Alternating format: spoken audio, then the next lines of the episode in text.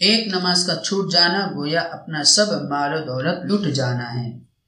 عن نوفل بن معاوية أن رسول الله صلى الله عليه وسلم أن النبي صلى الله عليه وسلم قال من فاتته الصلاة فكأنما وطر أهله وماله رواه ابن حبان في صحيحه كذا في الترغيب زاد السيوطي في الدور والنسائي أيضا قلت رواه أحمد في, في مسنده حضور اختر صلی اللہ علیہ وسلم کا ارشاد ہے کہ جس شخص کی ایک نماز بھی فوت ہو گئی، وہ ایسا ہے کہ گویا اس کے گھر کے لوگ اور مال و دولت سب چھین لیا گیا ہو۔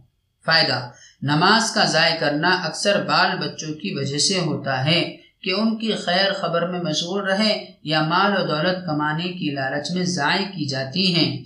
حضور اختر صلی اللہ علیہ وسلم کا ارشاد ہے کہ نماز کا ضائع کرنا انجام کے اعتبار سے ایسا ہی ہے، گویا بال بچے اور مال و دولت سب ہی چھین لیا گیا۔